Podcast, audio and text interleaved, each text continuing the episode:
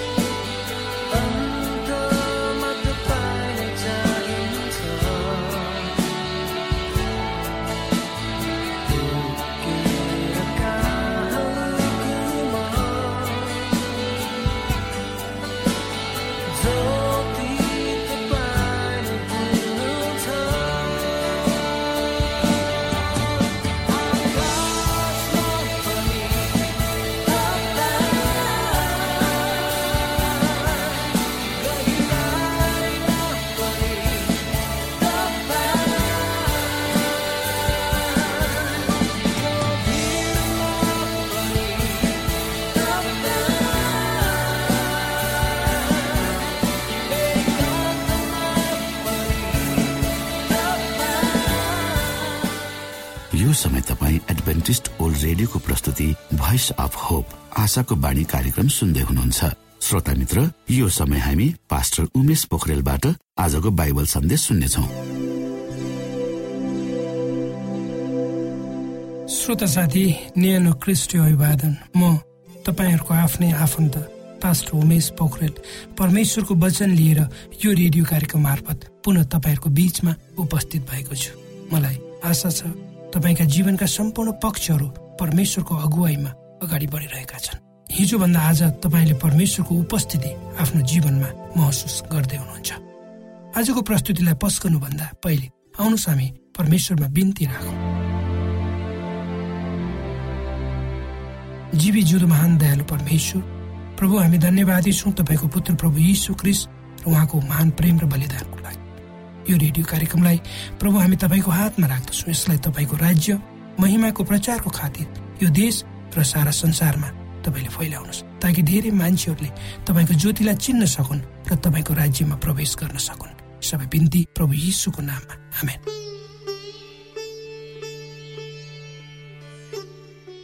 श्रोत साथी पवित्र धर्मशास्त्र बाइबलको नयाँ नियमको यहुन्ना भन्ने पुस्तकको तीन अध्यायको सोह्र पदमा यसरी लेखिएको छ।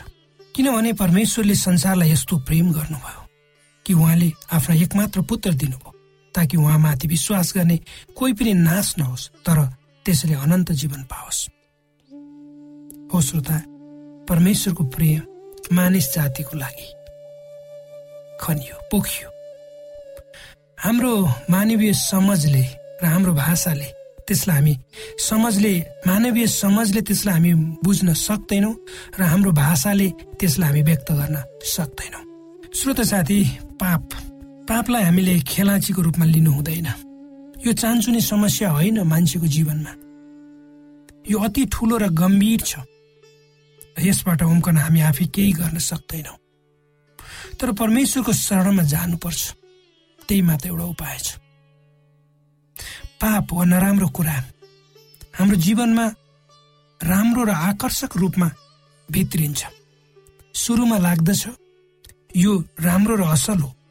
त्यही रूपले यसले मानिसलाई प्रभावमा पार्दछ।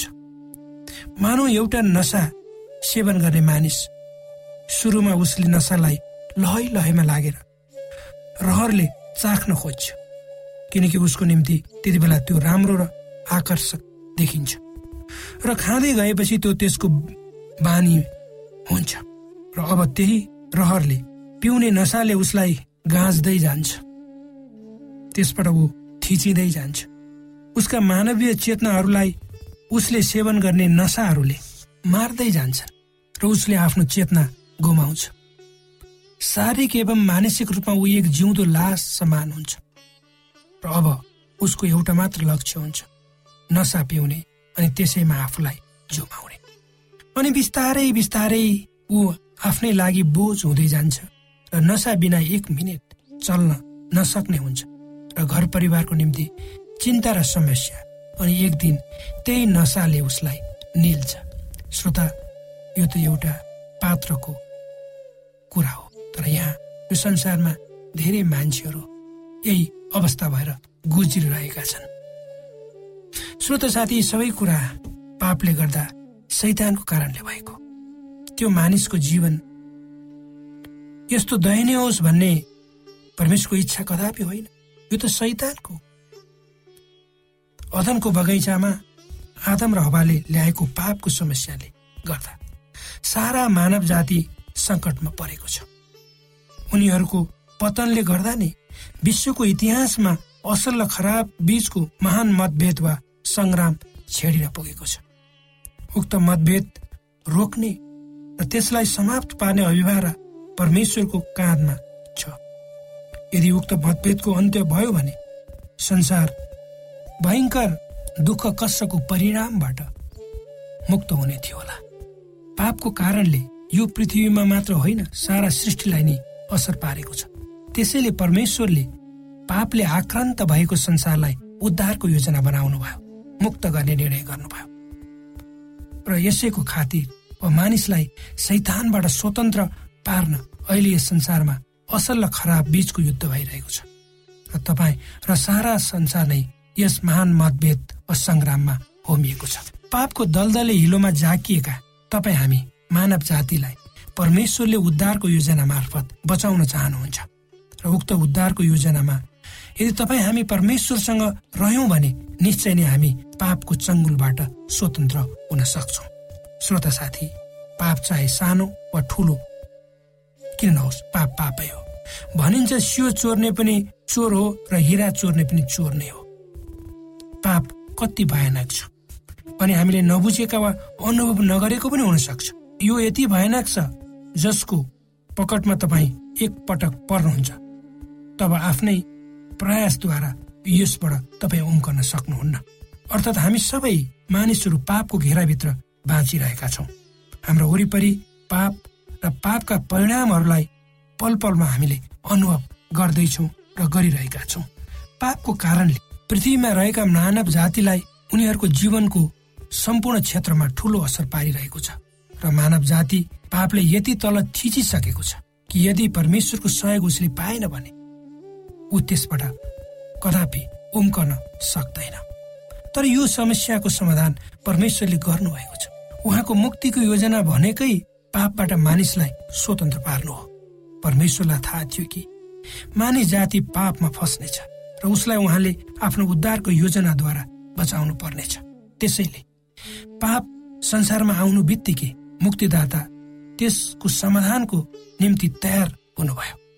क्रिसलाई थाहा थियो कि उहाँले कष्ट पाउनु पर्नेछ तर पनि मानिसको सट्टामा उहाँ मर्न तयार हुनुभयो। आदमले पाप गर्ने बित्तिकै परमेश्वरको पुत्रले सारा मानिसहरूको पापको मोल तिर्न सरेक हुनुभयो।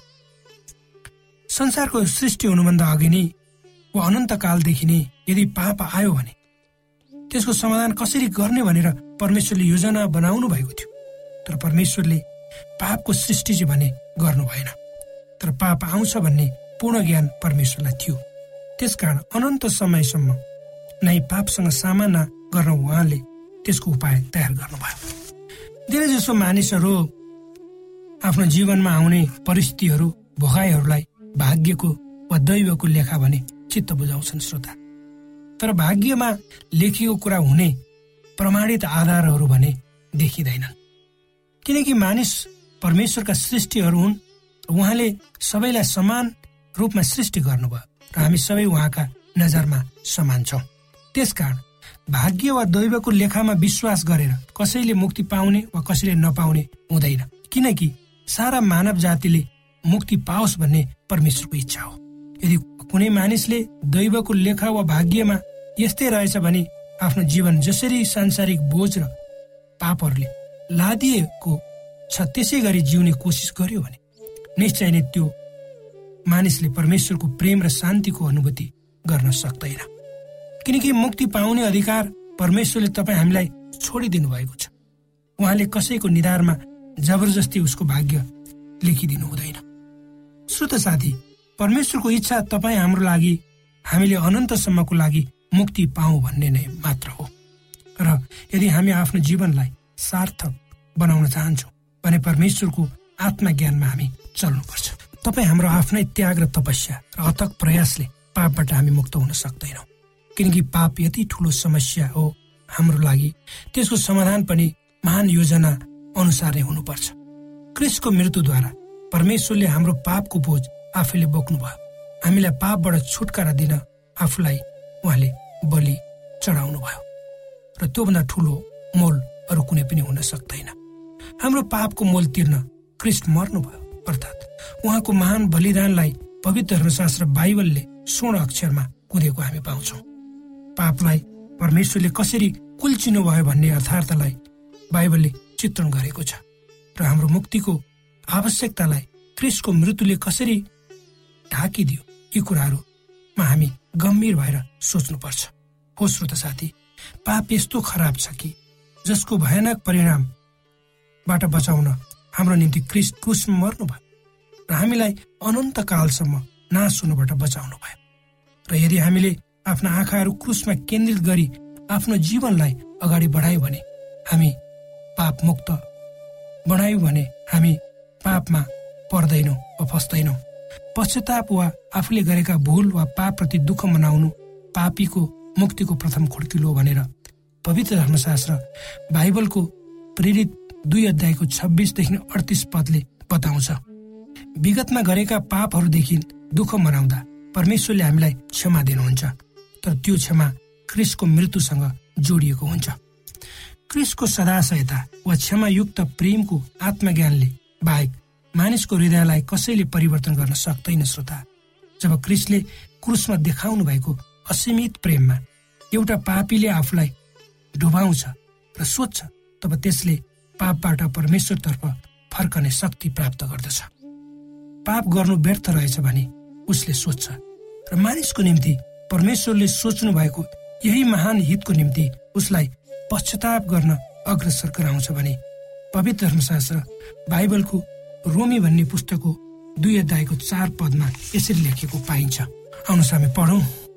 रोमी दुई अध्यायको चार पद।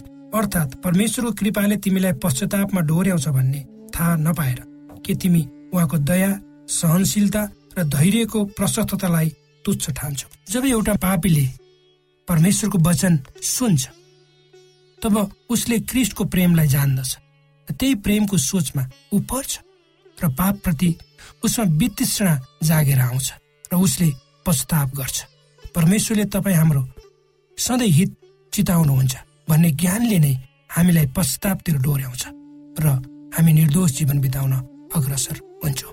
परमेश्वरले तपाईँका मनमा भएका वा तपाईँमा भएका दृश्य अदृश्य पापहरूबाट तपाईँलाई स्वतन्त्र पार्नको लागि मद्दत गर्नुहोस्। यही मेरो तपाईँको लागि कामना श्रोता।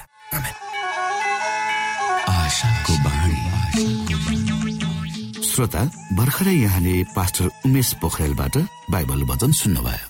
यो समय तपाईँ एडभेन्टिस्ट ओल्ड रेडियोको प्रस्तुति भोइस अफ होप आशाको बाणी कार्यक्रम सुन्दै हुनुहुन्छ। कार्यक्रम सुनेर बस्नुहुने सबै श्रोतालाई हामी हाम्रो कार्यक्रममा स्वागत गर्न चाहन्छौ।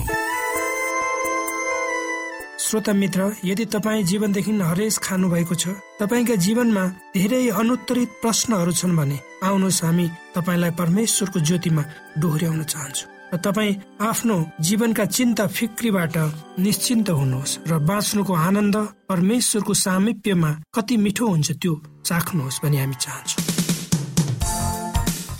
श्रोता यदि तपाईँ आशाको बाणी कार्यक्रमलाई अनलाइन सुन्न चाहनुहुन्छ वा डाउनलोड गर्न चाहनुहुन्छ भने डट ओआरजीमा जानुहोस्। त्यहाँ तपाईँले प्रत्येक दिनको कार्यक्रम सुन्न र डाउनलोड गर्न सक्नुहुनेछ। हाम्रो वेब पेज यस प्रकार छ W W W dot AWR dot ORG श्रोता यदि तपाईँ हामीसित सिधै फोनमा सम्पर्क गर्न चाहनुहुन्छ भने हाम्रा नम्बरहरू यस प्रकार छन्।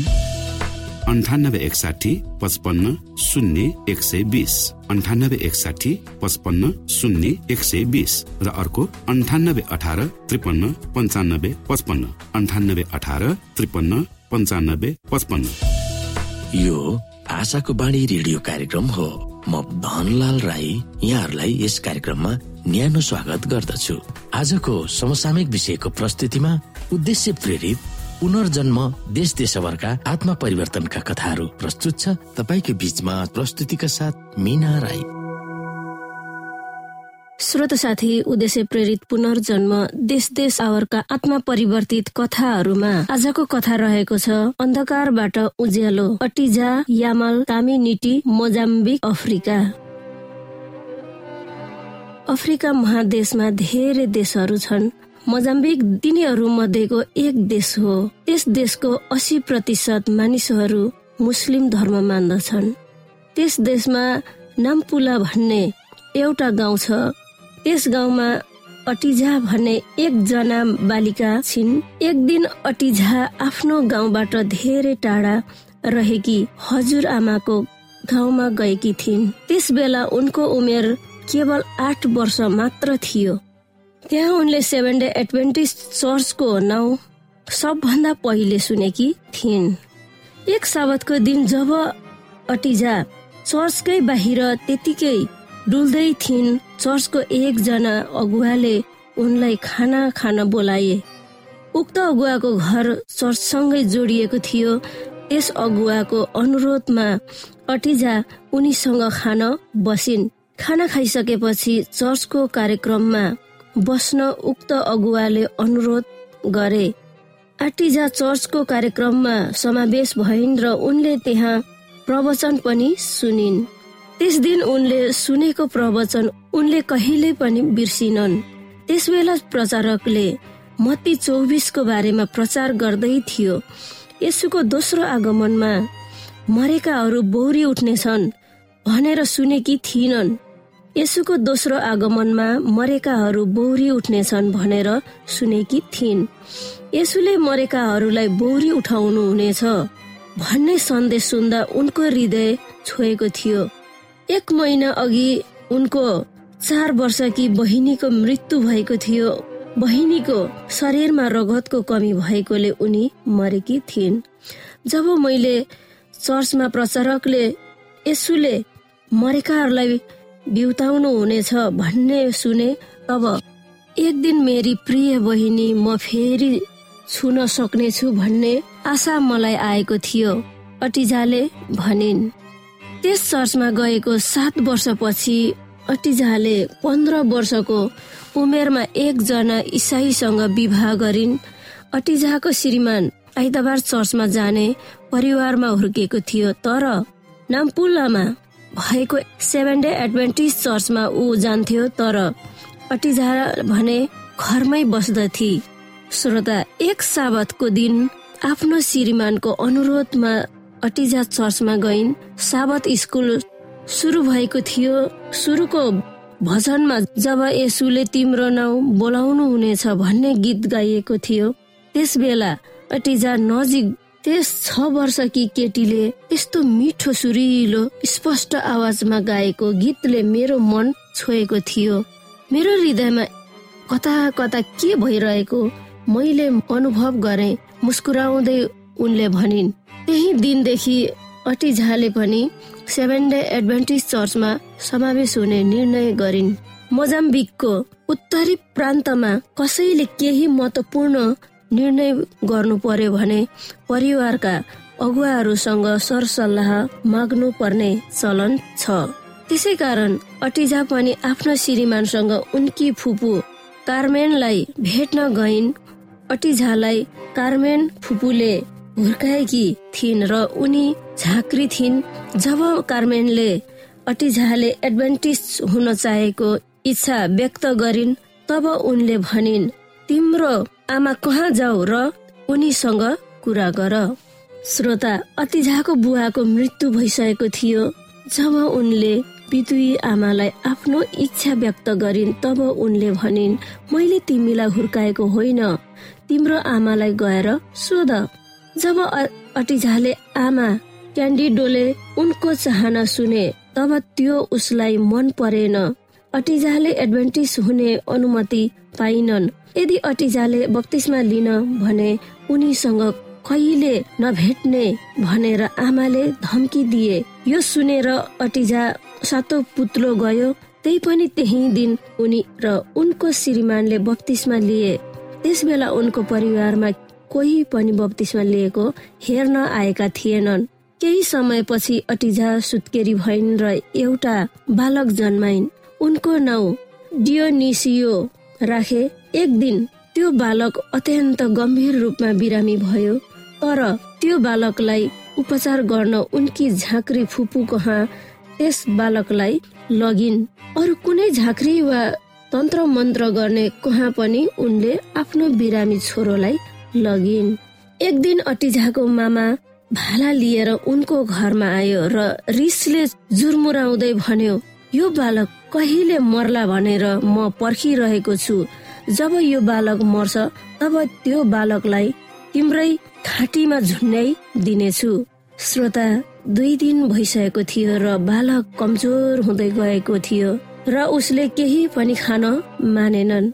अटिजा र उनको श्रीमान झन बलिन्द्र आँसु झार्दै प्रार्थना गरे। दोस्रो दिनमा बालकले दुध खान थाल्यो।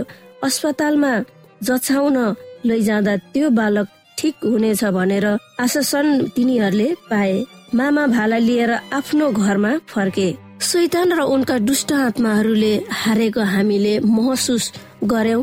मेरो छोरो अत्यन्त बिरामी भएको थियो र ऊ मर्छ भनेर मैले ठानेकी थिएँ तर परमेश्वरको अनुग्रहले ऊ बाँच्यो। खुसी भएर अटिजाले भनिन् आफ्नै दिदी मर्न लागेको छोरो निको भएकोले अटिझाकी बहिनी अत्यन्त छक्क परिन् र उनी पनि एडभेन्टिज चर्चमा जान थालिन् र बत्तिसमा लिइन्।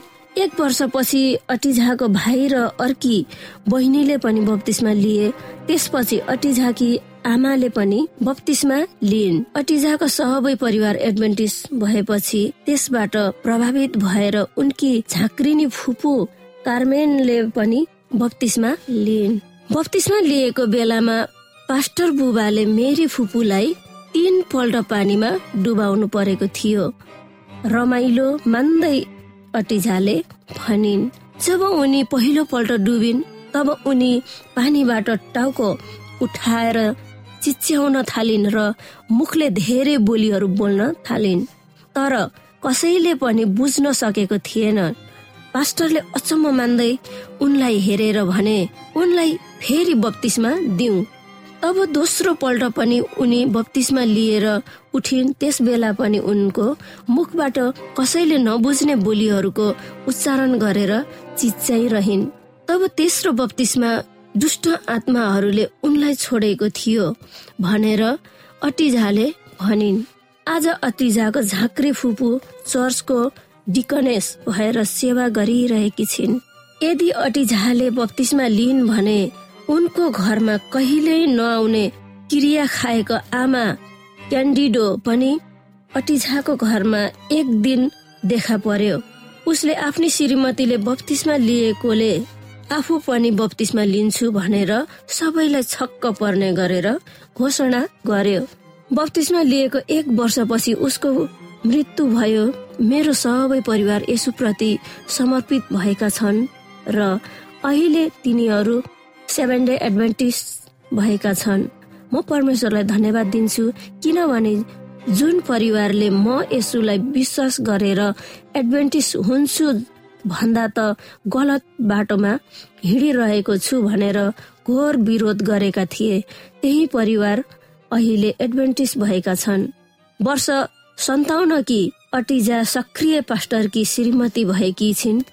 उनको श्रीमान लाजारो आफ्नो पास्टरको अध्ययन सकेर नाम्पुला चर्चमा पास्टर भएर सेवा कार्य गरिरहेको छ। यो समय तपाईँ एडभेन्टिस्ट ओल्ड रेडियोको प्रस्तुति भोइस अफ होप आशाको बाणी कार्यक्रम सुन्दै हुनुहुन्छ। हाम्रो ठेगानाको बारेमा यहाँलाई जानकारी गरौँ। आशाको बाणी पोस्ट बक्स नम्बर दुई शून्य शून्य शून्य दुई काठमाडौँ नेपाल। यसै गरी श्रोता यदि तपाईँ हामीसित सिधै फोनमा सम्पर्क गर्न चाहनुहुन्छ भने हाम्रा नम्बरहरू यस प्रकार छन् अन्ठानब्बे एकसाठी पचपन्न शून्य एक सय बिस र अर्को अन्ठानब्बे अठार त्रिपन्न पन्चानब्बे पचपन्न। हवस् त श्रोता भोलि फेरि यही स्टेशन र यही समयमा भेट्ने बाजा गर्दै प्राविधिक साथी राजेश र पास्टर उमेश पोखरेल र कार्यक्रम प्रस्तुता म रवि यहाँसँग विदा माग्दछौ। परमेश्वरले तपाईँलाई धेरै धेरै आशिष दिनु भएको होस्। नमस्कार।